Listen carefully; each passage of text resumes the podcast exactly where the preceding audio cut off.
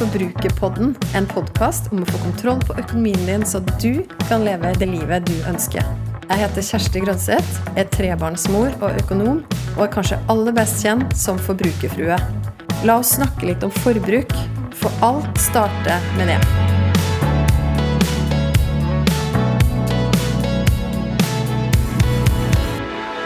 Er det mulig å lykkes med alt du gjør? Du som hører på Forbrukerpodden, har mest sannsynlig på et eller annet tidspunkt satt deg enten et økonomisk mål eller et mål på et annet område i livet. Kanskje har du et konkret mål du jobber med akkurat nå. I denne episoden skal du få en ordentlig treat. Jeg har nemlig besøk i dag av selveste Øystein Pølsa Pettersen. Hjertelig velkommen til Forbrukerpodden, Øystein. Jo, takk for det. Hvorfor sier du 'selveste'? Jeg blir så nervøs når du sier det. Det er, liksom, det det er bare meg. Og det er, det, det er, kanskje akkurat det jeg liker med deg. da. Den eh, relativt korte tida som jeg føler jeg har kjent deg. Vi kjenner jo ikke hverandre personlig, men jeg har fulgt deg ganske tett, spesielt i sosiale medier. Og i media i det siste. Så selveste, Hvorfor sier jeg selveste? Fordi jeg føler det er en stor ære å ha deg på besøk i poden. Det føler jeg. Men jeg liker jo også veldig godt at du nettopp er så jordnær som du er. da. Det var derfor jeg turte å ta kontakt med deg og spørre hei, vil du være gjest i Forbrukerpodden. Ja, så hyggelig. Det er, i hvert fall, eh, det er veldig hyggelig at du mm, tar kontakt. da, også, Og det er veldig hyggelig at du føler at du kjenner meg. og det, Jeg pleier ofte å si at det er sånn det er det. Når du møter grunne mennesker, da er, det liksom, er du kjent med dem på løpet av 1, 2, 3, og så kjenner du meg. Så det, det er fint, det. det er veldig bra. Men det er jo veldig mange. Jeg er sikker på at de, de, fleste som hører på denne episoden, nå kjenner deg fra en eller annen kontekst tidligere. Altså, du er jo mm. olympisk mester på ski, intet mindre. Og du er jo kjent for mange f.eks. fra 'Mesternes mester', og egentlig en lang karriere som idrettsutøver. Mm. Men på, sånn som på Instagram, da, der jeg kanskje har blitt best kjent med deg, føler jeg, så presenterer du deg som pappa, ektemann og glad i folk, og der sier du 'døm meg for hvem jeg er', ikke for farta i skauen eller andre resultat. Teller mm. du med saldo på bankkonto også, innenfor den der, hva man ikke skal dømme hverandre for? Ja, absolutt. Altså, eh, det der er, mener jeg, det er inne på kjernen, da, mener jeg, i forhold til hva det er som faktisk betyr noe. Det er så lett at vi vi bedømmer hverandre eller dømmer hverandre eller putter hverandre i bås basert på disse ytre faktorene. Eh, men det at jeg har gått fort på ski, det betyr ikke nødvendigvis at jeg er noen hyggelig person. Det betyr bare at jeg er ganske god til å gå på ski. Det at jeg har mye penger i banken. Ikke at jeg har det, men hvis jeg hadde hatt det, da. Det betyr ikke at jeg er en trivelig fyr. Altså, det betyr bare at du har mye penger i banken. Eh, og det at du går sakte på ski, det betyr ikke at du er et rasshøl, det betyr bare at du ikke er så god til å gå på ski. Så det er derfor jeg sier at jeg gjerne vil bli dømt på eh, det, den jeg faktisk er, og det bidraget jeg faktisk kommer med. Og så er det så lett at man I hvert fall hvis man har eh, prestert noe som folk setter pris på da, tidligere, så, så får man sånn fordelaktig behandling lenge etterpå, som man ikke har fortjent nødvendigvis. Eh, så det er derfor jeg sier at døm meg for hvem jeg er, ikke for hva jeg har gjort. Og, og det håper jeg kommer til å å stå seg framover også, så må jeg være ærlig og si det at min viktigste tittel, det er jo pappa. Altså, hvis jeg går i graven og presten sier at eh, her ligger Øystein og han er tidligere olympisk mester, så da har jeg mislykkes på ganske mange fronter. Jeg må være ærlig og si det. Jeg har også lest en beskrivelse av deg at du har eh, jaga land og strand rundt etter de feteste opplevelsene og resultatene, men det er ingen av de delene som har gitt deg den beste lykkefølelsen i livet. Hva, hva legger du i det? Uh, oi, Er det jeg som har skrevet den beskrivelsen selv, eller? Jeg tror det var en omtale av deg. Du driver jo også og holder foredrag, så jeg fant en omtale når du skulle da pitche som foredragsholder. Der tror jeg jeg fant det.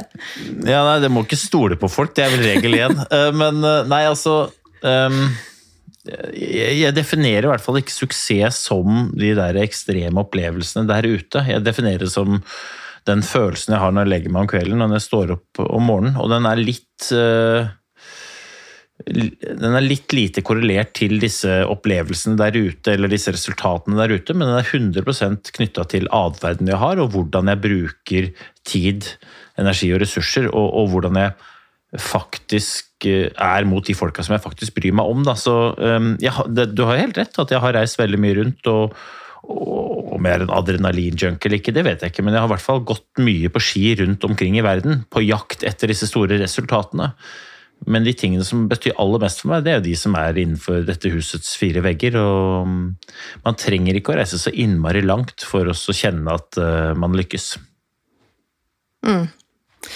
Det er jo eh, de tingene som du er inne på nå, som du sier kjernen, som jeg tror gjør at veldig mange har fått skikkelig sansen for det du, det du deler, Øystein. Og jeg er veldig glad for å ha deg her i Forbrukerbåten. Vi skal selvfølgelig komme inn på litt hvordan man kan lykkes med alt man gjør, for det er jo noe som du er opptatt av, og som du snakker om. Men jeg har også lest, når jeg har gjort litt research av deg, da, så jeg har også lest, det tror jeg var fra et intervju, at du har sagt at du opplever at folk flest i altfor stor grad løper i hamsterhjulet og blir konsekvenser av egne omgivelser. At de ender opp med å gjøre mye av bitte litt. Da vil man aldri føle suksess. Jeg brenner så innmari for å hjelpe folk flest ut av hamsterhjulet. Så da vil jeg spørre deg, hvordan definerer du det hamsterhjulet? Ja, Det er uh, sikkert veldig provoserende, det du sier der, sånn, men jeg, jeg, mener det. Jeg skiller mellom de som er i live og de som faktisk lever.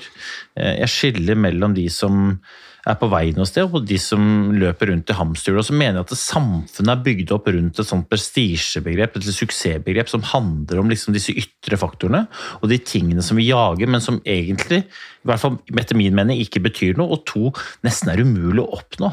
Eh, og så, så opplever jeg at folk er opptatt med å være nettopp det. Vi er bare opptatt, vi, bare, vi er opptatt med å være opptatt, vi bare jobber, men vet ikke hvor vi skal. Vi er opptatt av å på en måte tilfredsstille alt og alle, og så glemmer vi å tilfredsstille de, de, vi bryr oss mest om, og, og, kanskje aller mest oss selv.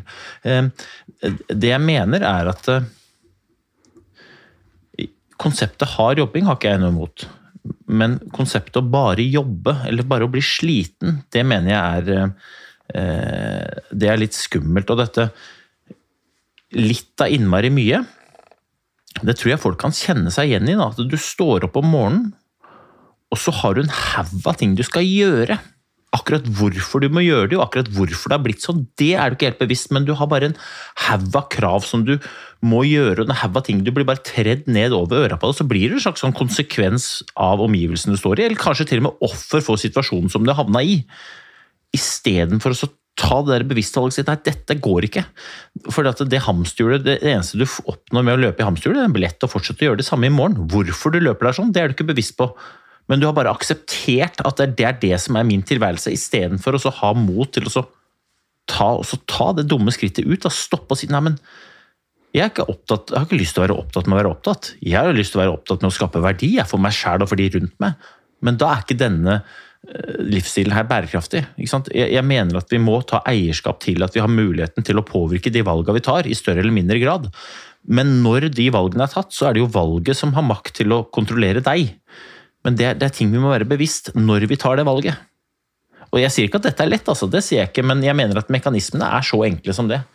Eh, så, så det er vel egentlig det jeg legger i det. Jeg skal ønske at folk istedenfor å gjøre litt av innmari mye, gjorde innmari mye av bitte litt. Og det er to helt forskjellige ting. Og Det ene er oppskriften på å bli sliten, og det andre er oppskriften på å få til noe. Men det fordrer at du vet hva du har lyst til å få til. Det er veldig inspirerende. Jeg kjenner det allerede. sånn eh, Noen minutter ute i episoden her, så jeg er skikkelig motivert og inspirert av, av det du deler. Og det begrepet hamsterhjulet, jeg syns det var så interessant også at du brukte det, for det brukes jo ofte også når man snakker om folk sitt forhold til økonomi. Og du er jo inne på det. altså at man, man har tatt noen valg som har ført som har ført den i en situasjon som gjør at man fortsetter å ta valg, og så må man egentlig bare spinne videre. Og det eksempelet som man ofte bruker, det er jo da når man har man begynner å jobbe, man har studert noe, begynner å jobbe. Og så tenker man at ok, men nå skal jeg etablere meg, og så må jeg jo kjøpe bolig. Og det er litt sånn gitt i Norge, har blitt etter hvert at ok, det er et mål for veldig mange å kjøpe bolig. Og så er det litt sånn, så kjøper du bolig, og så flytter du inn der, så får du lån å betjene. Og så, tar, så skal du kanskje etablere deg med familie, og så tar det ikke så lang tid før du da får behov for å oppgradere bolig. Og så er det kanskje sånn at man da øker lånet sitt når man oppgraderer bolig, og så må man da fortsette i jobben sin for å betjene det lånet. Og så hvis man får lyst til å oppgradere enda en gang, så må man kanskje få en jobb der man kan tjene enda mer. Og så er det jo ofte det man også refererer til som det hamsterhjulet, med at man ikke har noe valg til slutt. da. For du har satt deg sjøl i en situasjon der du både har gjeld, og du har en jobb som du da trenger å egentlig stå på i og tjene så mye du kan i for å egentlig betjene ikke bare lån, men også en livsstil som du har lagt deg til. fordi Kanskje fordi du trodde at mange forventa at nå er du der i livet. At nå skal du gjøre både det ene og det andre. Da kjenner du deg igjen i det her også når vi snakker om eh, økonomi? Mm, altså jeg, er ikke, jeg, er ikke, noe god på økonomi i seg selv, men jeg god, jeg, det jeg, det jeg syns er interessant, er at jeg mener at veldig mye av mekanismene bak det å få til noe, de er universelle. Om det er innenfor økonomi, om det er innenfor idrett, om det er innenfor familielivet, eller om det er innenfor helse, eller hva som helst. Jeg mener at Mekanismene bak det å få til noe de er ganske universelle, også innenfor økonomi. Og så mener jeg at det, litt av utfordringa sånn, med dette med dette hamsterhjulet er at samfunnet er jo bygd opp sånn at hvis ikke du velger aktivt å ikke være der, så blir du dratt inn i det. Akkurat det du sier. ikke sant? Du blir bare dratt inn i det sluket, og så blir du en konsekvens av omgivelsene, eller et offer for situasjonen. Ehm, de som, de som får til noe, de gjør noe annet enn det de som ikke nødvendigvis er så gode til å få til noe. Ikke fordi det er noe dårligere mennesker eller bedre mennesker, ikke det jeg sier, men forskjellen er ganske vesentlig på et par enkle punkt. Det ene er jo at vi, vi, er ikke, vi, er ikke, vi, er ikke, opplært til å agere. Det vi er opptatt til, oppdratt til og opplært til, det er å reagere. Vi reagerer på de tingene som kommer, og det er vi ganske gode til. Men det vi reagerer på da, det er jo allerede konsekvensen av det vi har gjort tidligere. Ikke sant? Så vi bare reagerer på reaksjoner på reaksjoner, på reaksjoner. Og da er vi opptatt med å være opptatt, da løper vi det hamsterhjulet, og det hamsterhjulet går fortere, fortere, fortere, fortere, istedenfor at vi skal begynne å agere. Vi må ta bevisste valg, bevisste handlinger som vil stoppe hjulet, og begynne også øh, at man faktisk får en retning. Men det vi er trent til, det er å bare reagere. Og hvis du skal drive, hvis du skal, Om det er innenfor det ene eller det andre, hvis du skal bli bedre til noe, så er det, ikke, er ikke endringer som skal til. For endringer kommer utenfra. Endringer er bare reaksjoner. Og det er det vi reagerer på hele tiden. Da er det jo utvikling som må til. Om det er at du skal begynne å spare til ditten eller datten, eller om det er det ene eller andre. Altså, utvikling er bevisste valg. Utvikling er aksjoner. Endringer er reaksjoner. Men samfunnet er bygget opp rundt alle endringene som folk går rundt og maser om. Verden endrer seg fort, sier de. Yes, og det stemmer. Men noen skaper disse endringene de driver med utvikling. Og resten opplever utvikling som endring. Vi er ikke trent til å drive med aksjoner, vi er trent til å drive med reaksjoner. Og det er vi ganske gode til, dessverre. Har du alltid vært en som har drevet med utvikling? Nei, det kan jeg ikke si. Altså, vi har jo laget det til da, som en slags sånn straff at det å, det å drive med utvikling, det å bli bedre, enten det er det ene eller det andre, enten det er innenfor økonomi eller om det er innenfor personlig helse eller det ene eller det andre, det å redefinere seg selv eller å faktisk gjøre noe nytt, det har vi, det har vi liksom laget som sånn bilde av det er veldig krevende. I mitt hode er det mye mer krevende å stampe i det der hamsterhjulet. Det er et helvete. Det er et helvete å bli der hvor du er, hvis du ikke trives det. Da er det mye mer helvete det enn det er å ta den lille fighten og så faktisk begynne å, å, å, agere på ting. Da. Eh, men det å drive med utvikling er krevende inntil du blir tvunget til det. Når du blir tvunget til det, om det er at du får beskjed om at nå er det konkurs, eller banken ringer og sier nå må du slutte å gjøre det. Da gjør vi det. Men inntil vi blir tvunget til det, så lar vi det skure og gå. ikke sant? Da bare reagerer vi. Og Sånn var jeg også. Eh, fram til 2010, så, så, i hvert fall innenfor idrett, da, så drev jeg med mye utvikling. Det var det som gjorde at jeg var i stand til å vinne et olympisk gull. Og så vet jeg at det var mange ting rundt det olympiske gullet som, som var tilfeldig. Men sånn er det med alle resultater. Men fra 2010 og fram til 2014 så slutta jeg å drive med utvikling, og så begynte jeg bare å vedlikeholde det jeg hadde, og reagere på utvikling skapt av konkurrentene mine.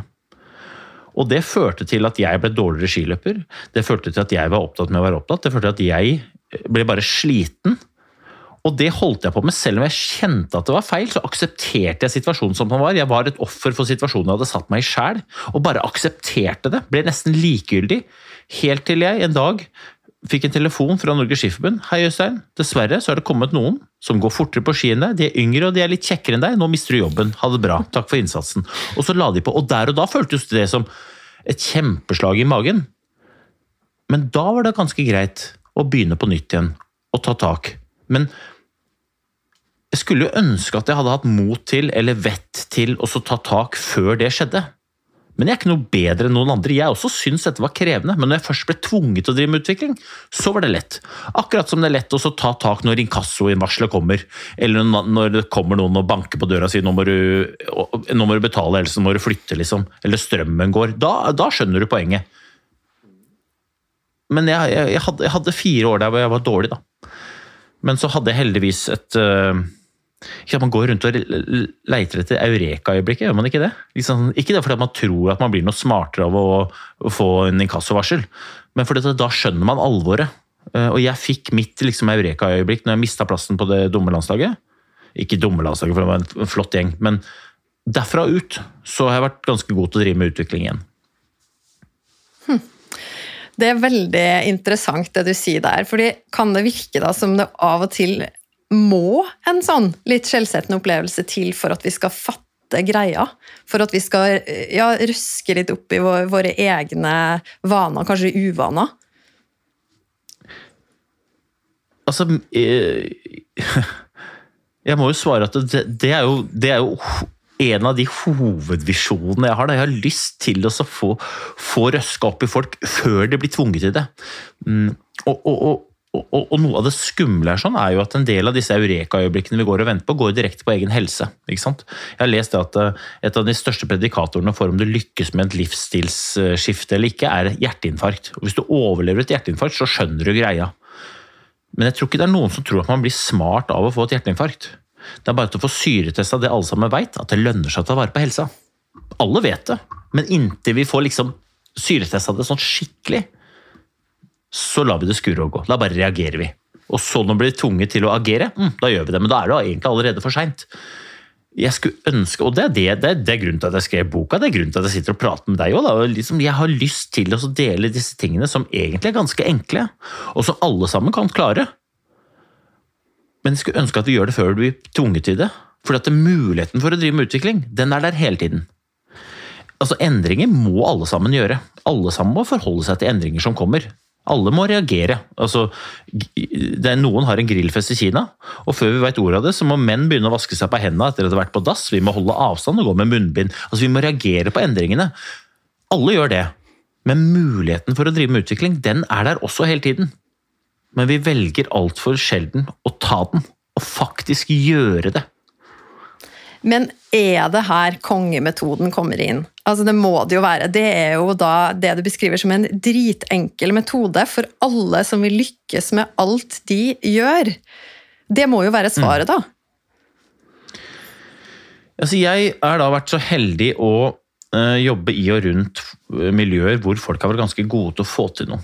Uh, mye bedre enn det jeg har vært. Og så har jeg sett at mekanismen, eller det de faktisk holder på med, enten det er innenfor ski eller idrett eller det ene eller det andre, de er jo helt like. Innholdet i mekanismene de er ulike, fordi vi er ulike og fordi vi skal lykkes på ulike arenaer.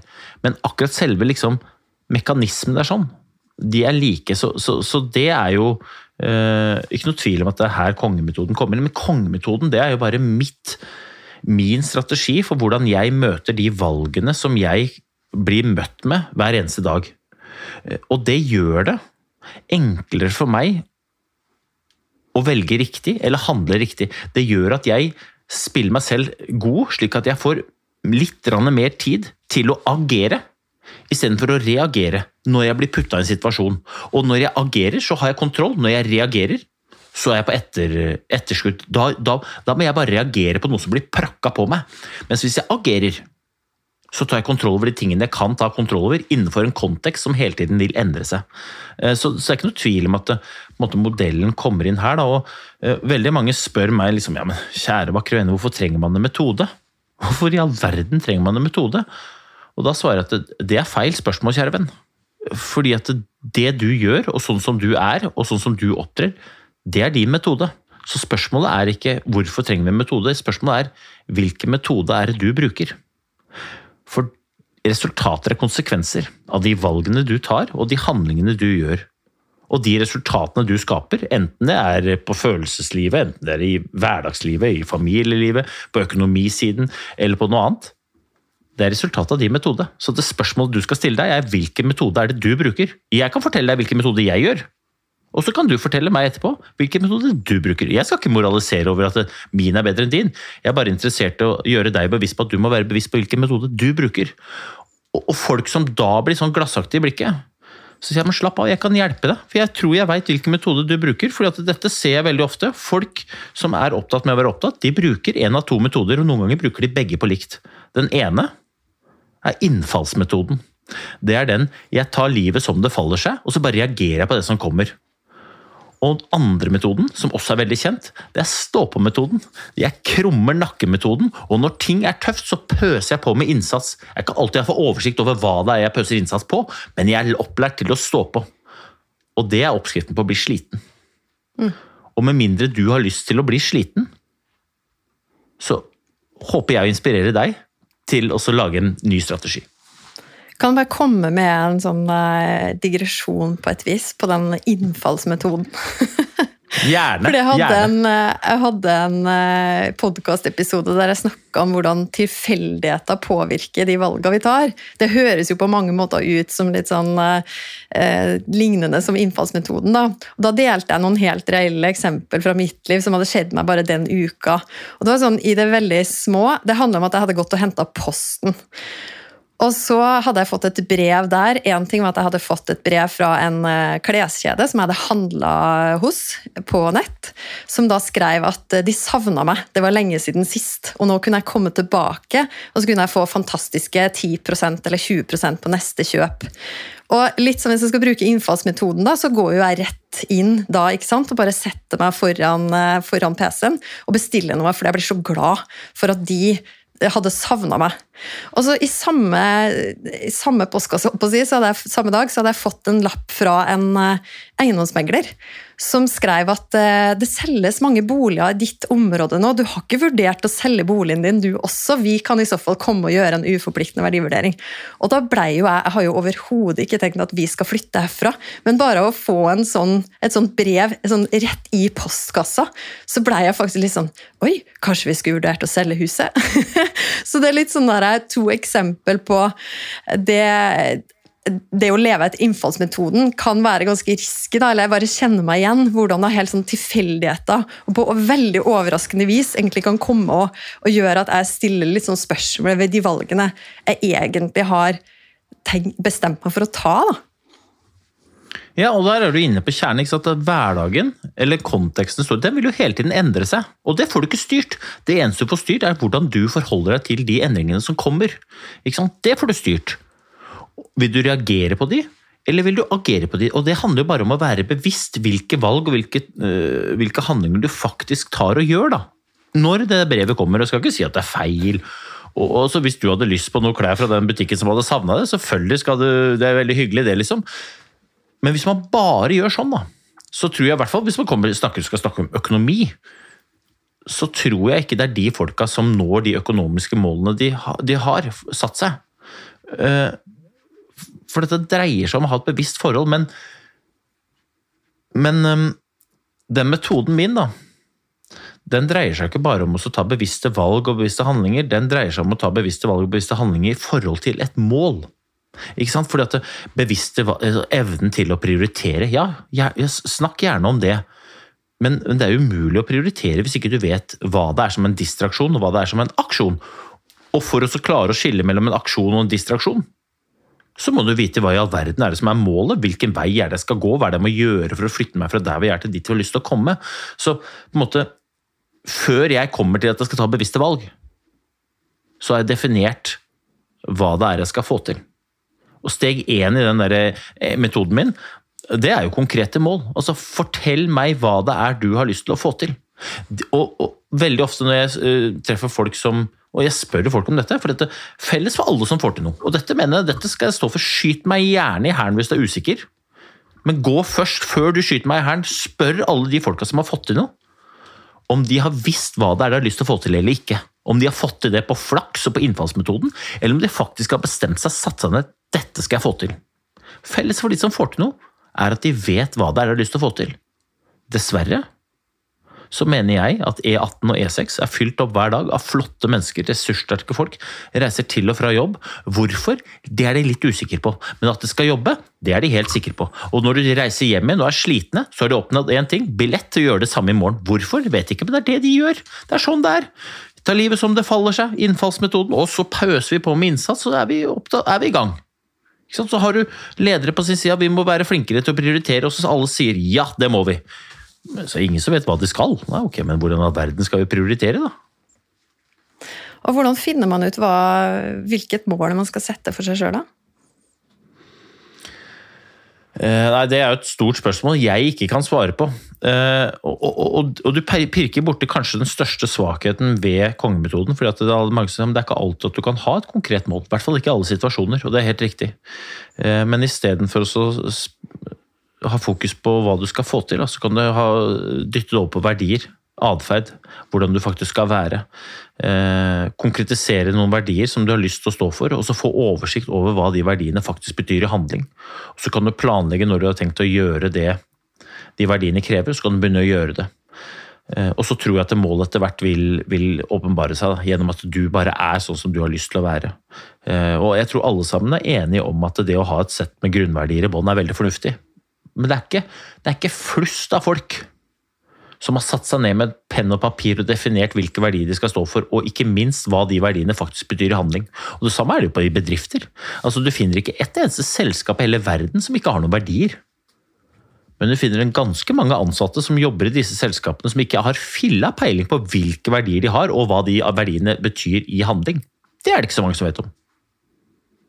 Og lytteren kan jo tenke seg selv. Det kan godt hende lytteren har en jobb. Skriv ned nå hvilke verdier du har på jobb, og hva de betyr i handling, og lever det til sjefen og se om det stemmer. Det er en veldig fin hjemmelekse for deg som hører på. Så hvis da setter mål og blir konkret på det, eller verdier, da, hvis man ikke vet helt akkurat hva målet er, men et eller annet som man ønsker, et sted man ønsker å komme til, hvis det er første steg, vil du ta oss gjennom de neste stegene også i, i metoden din? Ja, altså, vi kan jo bruke din kontekst som som plattform. da. Uh, I og med at jeg er så freidig og sier at jeg tror man kan bruke metoden uansett hva slags arena det er man er på. Da. Så Si at man skal sette seg et økonomisk mål. Da kan du, da kan du sette det økonomiske målet, for jeg er veldig lite belest innenfor økonomi og målsetting der. Så da kan du sette et fornuftig mål. da. Altså de eh, sånn helt reelle mål som jeg vet at mange som også hører på, har eller har hatt, det er jo det med å bygge seg opp en buffer. Det er jo rett og slett eh, penger på konto, økonomiske muskler, som gjør at du kan eh, stå rusta i møte med uforutsette ting som skjer. Det kan være ting du eier som ryker, eller det kan være at du må ja, miste jobben, som mange gjorde gjennom pandemien i perioder.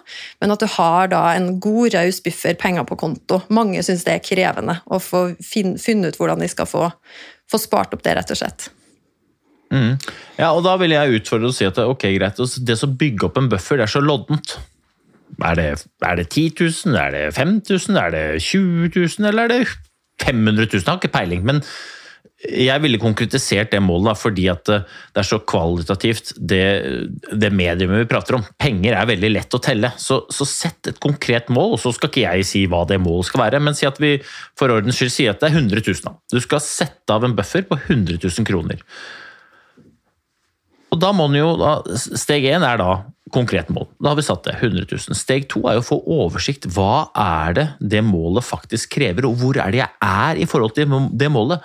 Hva er det jeg må begynne å gjøre? Hva er det jeg må slutte å gjøre? Er det noe jeg må lære meg? Er det noe jeg må slutte og noen jeg å henge med, noe jeg må begynne å henge med. Hvor lang tid må jeg regne med å bruke? Altså, Bryt da dette 100 000-kronersmålet ned i små, enkle mekanismer som du må få orden på for å flytte deg fra der hvor du er i dag, til dit du har lyst til å komme. Og Steg tre er jo å begynne å planlegge når er det du har tenkt å gjøre det du har fått oversikt over som målet faktisk krever. Så Hvis det betyr da f.eks. at du har fått oversikt over at hver gang du er på butikken, så skal du istedenfor å kjøpe den der dumme tyggispakka som du drar med deg i kassa, så skal du sette 20 kroner inn på bankkontoen din hver gang du er på butikken. Så planlegg det, da. Det kan være et steg. Eh, nå bare finner jeg på noe ut av hofta her, da. Veldig bra. Men da da 20, da har du planlagt at hver gang du går i butikken, så går 20 kroner rett inn på bufferkontoen din. Og så gjør du det hele tiden. Og så kan det være andre småting du får tak i. Kanskje at du, all pant du får, Det går på bufferkontoen. Eller etter hver uke så skal du sette inn 100, Hver fredag så skal du belønne deg sjæl med å sette inn 100 kroner på den kontoen. Bare få oversikt over hva du kan gjøre, og så planlegg når du kan gjøre det, slik at det, For det er jo steg tre, nøyaktig planlegging. For det er så mye lettere. Det er lett, det er så mye lettere å handle basert på en plan enn basert på en litt sånn løs visjon om at man skal bygge opp en bufferkonto. For når er du tenkt å gjøre det? Nei, det er når det passer seg. Og det passer seg aldri, fordi at postkassa di blir fylt opp av klesbutikker som savner det. Så det passer seg aldri. Men hvis du har bestemt deg for når du setter inn huet, så gjør du det, da. Og, og, og, og grunnen til at jeg liker planlegginga, er jo fordi at når du da kommer til det punktet i kalenderen, og du har planlagt det, så er valget allerede tatt. Da slipper du å begynne å veie for og mot. Skal jeg sette inn det? Det hadde jo vært Nei, du har planlagt det. Og planen din, det er jo oppskriften din på å, å, å få til det du har lyst til å få til. Steg fire etter planlegginga er jo å gjennomføre planen. Ikke å stå på, ikke å gjøre masse, men bare gjennomføre det du har planlagt, basert på den oversikten du har fått, basert på det målet krever, i forhold til der hvor du faktisk er. Og jeg kjenner ingen som ikke er gode til å stå på, men jeg kjenner litt for få som er gode til å stå på basert på den planen. Basert på oversikten, basert på målet. Og siste steget er jo å evaluere. Å evaluere, det er jo da hva er Sjekke at den innsatsen du legger ned, faktisk fører deg nærmere målet. Eller lenger unna. Hvis det føler deg lenger unna målet, så må du begynne å gå og se på det du gjør. Hva er årsaken til at det du gjør, bringer deg lenger unna målet?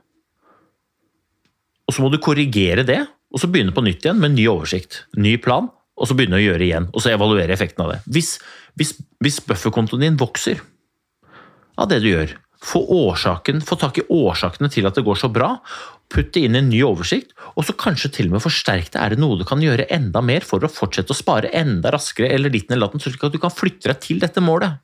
Og etter hvert så vil det gå sport og gjøre tingene skikkelig. Det snakkes jo om selvtillit, f.eks. Faen, jeg skulle ønske jeg hadde selvtillit. Jeg er ikke motivert til det. Kjære, vakre vene. Resultater er konsekvenser. Selvtillit, slik jeg ser det, er jo konsekvenser av de valgene du tar og de handlingene du gjør. Den enkleste måten å bygge opp selvtillit på, det er å planlegge noe og gjøre det når det kommer til planen. For selvtillit er jo tillit til at jeg gjør det jeg har planlagt. Det er den enkleste måten. Og hvis du gjør noe du har planlagt for å flytte deg fra der hvor du er til dit du har lyst til å komme, i tillegg til at selvtilliten stiger, så vil du også oppleve at når du gjør de tingene du har planlagt, så blir du bedre i det du har planlagt. Så du kommer til å bli god. Så hvis dette handler om sparing, da, du kommer til å bli en supersparer. Selvtilliten din stiger, og så blir du jævlig god til å spare i tillegg. Og så snakker man om motivasjon. Altså Motivasjon det er ikke noe, det, du trenger ikke noe motivasjon. Motivasjon er ikke noe faktor for oss å begynne motivasjon er en konsekvens av å gjøre den jobben som skal til for å komme fram dit du har lyst til å komme fram. Og det handler om å begynne å spare. Og når du sparer, kjenn på effekten gjennom evalueringa di. Kjenn på effekten av hva du gjør. Men faen, i dag så sparte jeg 100 kroner. Ja, hvorfor? Nei, for det er fredag. Jeg sparer 100 kroner hver fredag. De rundt deg kommer til å si 'jøss, så flink du er'. Anerkjennelse bare kommer til å rase på deg. Og så kommer motivasjonen din til å bli større og større og større jo nærmere det målet du har satt deg jo nærmere du kommer. Du sa det jo selv, du hadde skrevet en bok, og så sa du fy søren, etter hvert så ble jeg glad i å skrive. Jeg kjente det liksom. Jeg sto opp klokka fem om morgenen oppe i Lofoten og satt og hamra løs på tastaturet. Og det er jo en jobb som gjøres. Og så blir man sjukt motivert av konsekvensen av å gjøre den jobben. Og når man får til produktet, så er det sånn Ja, jeg sparte 100 000, men fader. Det, det gøyeste var jo å være i stand til å klare det. De 100 000 betyr ikke som Jeg lurer på om jeg skal spare 100 000 til, for det var så gøy. Og så er man i gang, da. Det er helt rått. Jeg bare jeg står og nikker. Jeg står og nikker til alt du sier her, Øystein. Tusen takk for at du deler så mye visdom. Altså, Jeg har jo det sånn her når det gjelder trening. Altså, jeg har jo, men jeg har jo dealt og jeg har forska så sykt mye på min egen motivasjon. for hvorfor jeg, Og, og akkurat det som du sier, altså det her stoppa opp da, ved at jeg ikke følte meg motivert til å komme i gang. Og så kom jeg ikke nødvendigvis helt til et sånn kritisk punkt, men, men, nesten. Jeg kjente at jeg på starten av året i år så vet du hva, nå er kroppen det, den er i for dårlig form, rett og slett. Og så var det en fin venninne som fikk, fikk, meg i gang med Og så bestemte jeg meg faktisk for å nå investere i sånn treningsmedlemskap, for det har jeg ikke hatt på kjempelenge. Men det trengte jeg nå.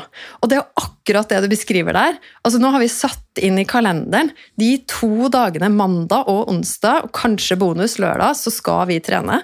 Og så kjenner jeg jo at Ok, men det er min oppgave. Å, å møte opp. Og det gjør, altså bare på noen uker nå, det gjør meg jo sterkere. Og når jeg blir sterkere, så, så syns jeg jo det er gøyere, og da gleder jeg meg mer. Og så tenker jeg at jeg skal møte opp uansett, også de dagene jeg ikke føler for det.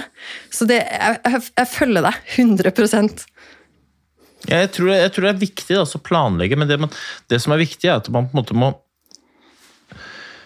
i, i, i, en hverdag hvor det er jo mange ting som kommer som du ikke kan styre. Det er mange krav du må tilfredsstille, og så er det en del krav du velger å tilfredsstille som du egentlig ikke trenger å gjøre, men som du bare laget deg som et sånt bilde at dette er det jeg gjør, det er sånn man må gjøre. Og så har man en tendens til å se framtida med fortida, og det man har vært, står i veien for det man kan bli. Om det er sparing, eller om det er trening, eller om det er det ene eller det andre. Men så tror jeg at hvis man klarer å sette seg et mål man faktisk har lyst til å nå, og begynner å planlegge hva som skal til for å nå det målet, så kommer reisen til å bli jævla fet. Og ikke fordi at det ikke kommer til å inneholde mye arbeid, men fordi at det arbeidet faktisk fører deg dit du har lyst til å komme. Altså, det er ingenting som gir mer mening enn å jobbe ordentlig mot de tingene du har lyst til å få til. Og så mener jeg at det er ingenting som gir mindre mening enn å jobbe hardt mot ting du ikke bryr deg noe om, eller ikke engang vet hva er. For da er du opptatt med å være opptatt. Da er du litt av veldig mye istedenfor innmari mye av bitte litt. Det ene er oppskrift på å få til noe, det andre er oppskrift på å bli sliten. Kongemetoden står og faller på at du vet hva det er du har lyst til å få til, eller vet hvordan du har lyst til å opptre. Og Hvis du vet det, så kan du sette, bare følger du de der dumme skrittene nedover, og så er det kjempeenkelt. Og konge, det er jo da Jeg sa jo det at suksess ikke nødvendigvis er disse resultatene. Disse 100 000 kronene, f.eks., de, de representerer ikke suksessen din. Suksessen din er jo målt i atferden. Suksessen din er det som ligger bak det å være i stand til å skape disse resultatene. Det er målt i atferd, ikke kroner og øre eller medaljer eller titler eller ditten eller datten. Og Hvis du klarer å jobbe sånn, da, så tror jeg at man klarer å lykkes. Og jeg definerer da suksess som en følelse. Jeg føler meg helt konge når jeg lykkes. Men det er ikke noe machofjas som å stå opp underveien tidlig om morgenen og bade i isvann eller kjøre over de rundt meg. Det er bare et klar strategi på hvordan jeg møter hverdagens små eller store valg, små eller store hindringer, eller har lyst til å jobbe for å realisere drømmene eller målene jeg har. Det er helt fantastisk. Du, vi skal gå inn for landing av denne episoden. Det har vært eh, en sann glede å ha deg som gjest i Forbrukerpodden, og de som hører på, har fått masse verdi ut av det her. Det er jeg helt sikker på. Men jeg har lyst til å spørre deg, da, hvis som, de som hører på nå, hvis de kjenner seg litt sånn stuck, hvis man kan si det, da, i den der, enten om de identifiserer seg med hamsterhjul-bildet, eller om de kjenner at åh, men, men, det er litt meg som kjører der fram og tilbake, ikke sant? og jeg ikke helt veit hva jeg egentlig jobber for og mot.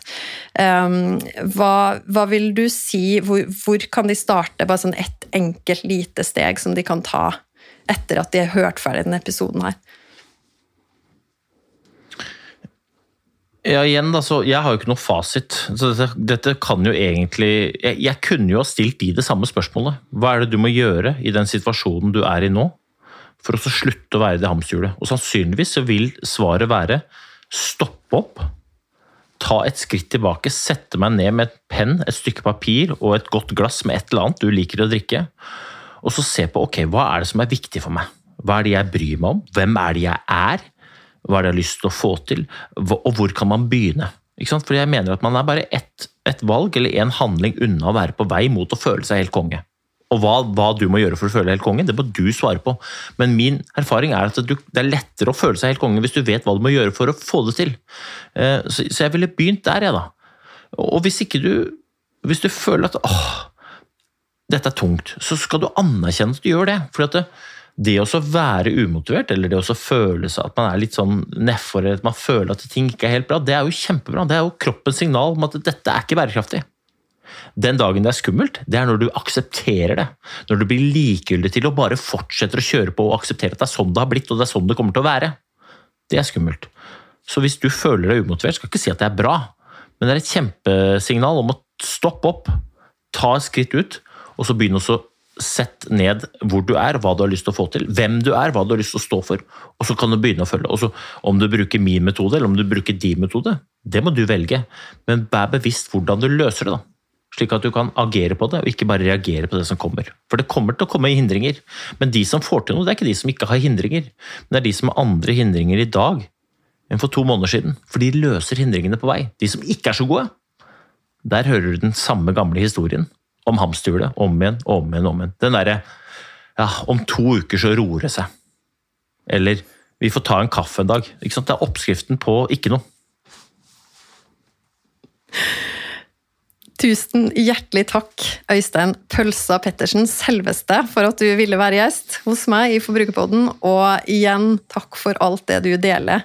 Det du deler og inspirerer. Jeg vet at du treffer veldig veldig mange folk om dagen med ditt budskap og det du står for, så jeg bare ønsker deg masse lykke til videre i alt det spennende som du driver med. Og igjen, tusen, tusen takk.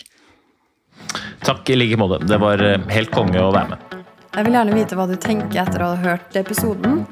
Så koble med meg på Instagram. Der finner du meg som forbrukerfrue. Send meg en melding. Tagg meg gjerne i story og del episoden her hvis du likte den. Eller send meg spørsmål. Og husk å abonnere på podkasten Forbrukerpodden, så får du beskjed hver gang det kommer en ny episode. Vi høres!